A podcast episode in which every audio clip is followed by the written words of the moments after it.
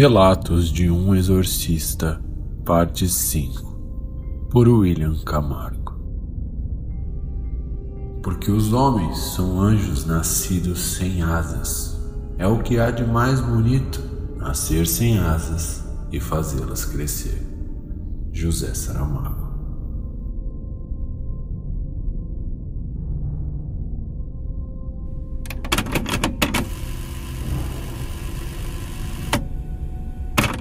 Se eu já trabalhei com alguém?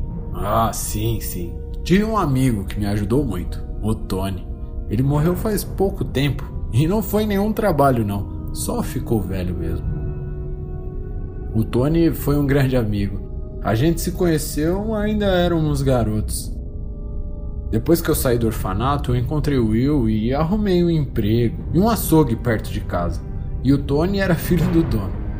A gente tinha a mesma idade, fizemos amizade rápido e fazíamos de tudo juntos. Inclusive, o Tony era bem sensitivo, assim como eu. Então, tínhamos o sonho de caçar juntos. Realizamos este sonho. Caçamos juntos desde o início da minha carreira. Se é que eu posso chamar isso de uma carreira, não é? Bom, o Tony era o mais medroso, mas era o mais inteligente também. Bem mais inteligente que eu. Líamos muito, aprendíamos muito e ele era sempre mais rápido, é claro. Começamos a trabalhar juntos, fazíamos pequenos trabalhos e a maior parte deles não passava de canos velhos, dobradiças quebradas e maçanetas frouxas. Mas vez ou outra nos deparávamos com coisas além da compreensão. E foi ficando perigoso, até que o conhecimento que tínhamos não era mais o suficiente. Precisávamos de livros antigos, proibidos, sem acesso para civis. O Tony, muito esperto, fez amizade com um professor de arqueologia de uma grande universidade. Pegávamos fotos, transcrições de muitas informações com ele. Ele nos ajudou muito. Foi crucial para vários dos nossos trabalhos. Mas teve uma vez que marcou nossa vida e mudou a do Tony para sempre. Muitas coisas que pegávamos com esse tal professor era em hebraico, outra língua morta, difícil demais para aprender. E estávamos esperando umas 45 fotos de textos. Era algo assim, é um tipo de ritual, não lembro bem. Mas o fato é que o Tony precisava traduzir o texto. Mas apesar de ser muito esperto, não se aprende hebraico rápido e as traduções eram demoradas mas não era urgente. Tínhamos tempo. Um dia depois de termos recebido essas fotos, Tony me ligou. Era bem tarde, mas era normal a gente se ligar e tal. Ele me disse: Eu traduzi. Na hora eu não acreditei, não era possível alguém traduzir tão rápido algo assim. Fui até o sítio dele no dia seguinte para verificar. Toquei a campainha e nada, ninguém atendeu.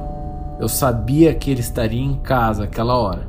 Então, esperei um pouco, imaginando que ele tivesse ido ao mercado, sei lá. Depois toquei novamente e nada. Eu fiquei preocupado. Quando se mexe com esse tipo de coisa, tudo é perigoso.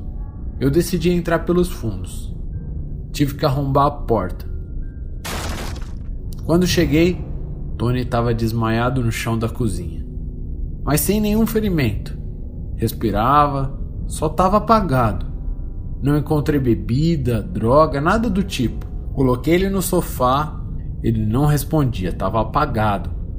Foi quando eu vi em cima da mesa as traduções. Eu olhei rápido e sabia que estava certo. E aquilo não era possível. Levaria no mínimo uma semana para traduzir, se a gente fizesse junto ainda. Ele acordou, Tava com as olheiras enormes, um aspecto abatido, e ele começou a chorar. Eu não entendi, eu perguntei o que tinha acontecido. Foi quando ele apontou para as próprias pernas e eu não, não compreendi. Perguntei o que tinha acontecido de novo. E ele em pranto só respondia: Minhas pernas, minhas pernas. Depois de alguns minutos ele se acalmou e me explicou.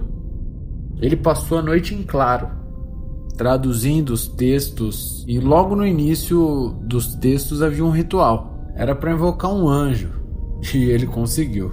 Pediu ao anjo que desse o dom da leitura, e o anjo pediu um sacrifício em troca. Duas pernas de animal deveriam ser oferecidas de bom grado. Tony pegou uma galinha e ofereceu no meio de um círculo de Davi cheio de sangue em seu porão para essa entidade as pernas da galinha.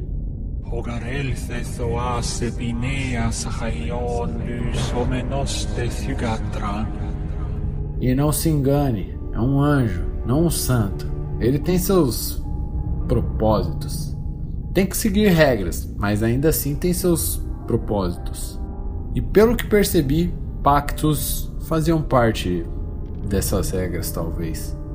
O problema é que Tony nem percebeu que o pacto falava sobre pernas, não patas. Então, suas próprias pernas foram trocadas pelo dom. E que dom! Tony lia qualquer língua, era incrível.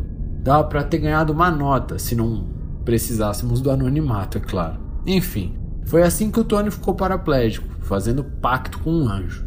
E antes que você pergunte, por que diabos um anjo queria um sacrifício de sangue? Bom, os anjos foram criados para travar batalhas, não para instruir mortais ou ensinar o bem. Pelo contrário, são guerreiros do céu criados para acabar com o mal e defender a ordem. E sabe do que os guerreiros sentem falta em tempos de paz? Do sangue, meu jovem, do sangue.